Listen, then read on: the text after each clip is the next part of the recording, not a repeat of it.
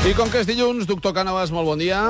Molts oients estan pendents d'aquest petit consell d'esport i de salut que amb els que encetem la, la setmana, però clar, molta gent diu home, això de 20 minuts a la setmana està bé, però quina ha de ser la dosi, la meva dosi, la dosi de cada persona per fer esport?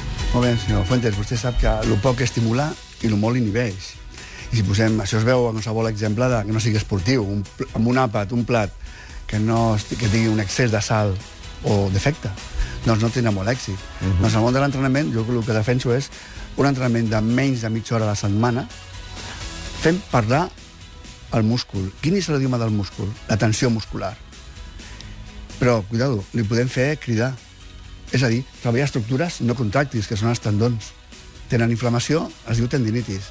Per això jo dono suport sempre a que més no vol dir millor.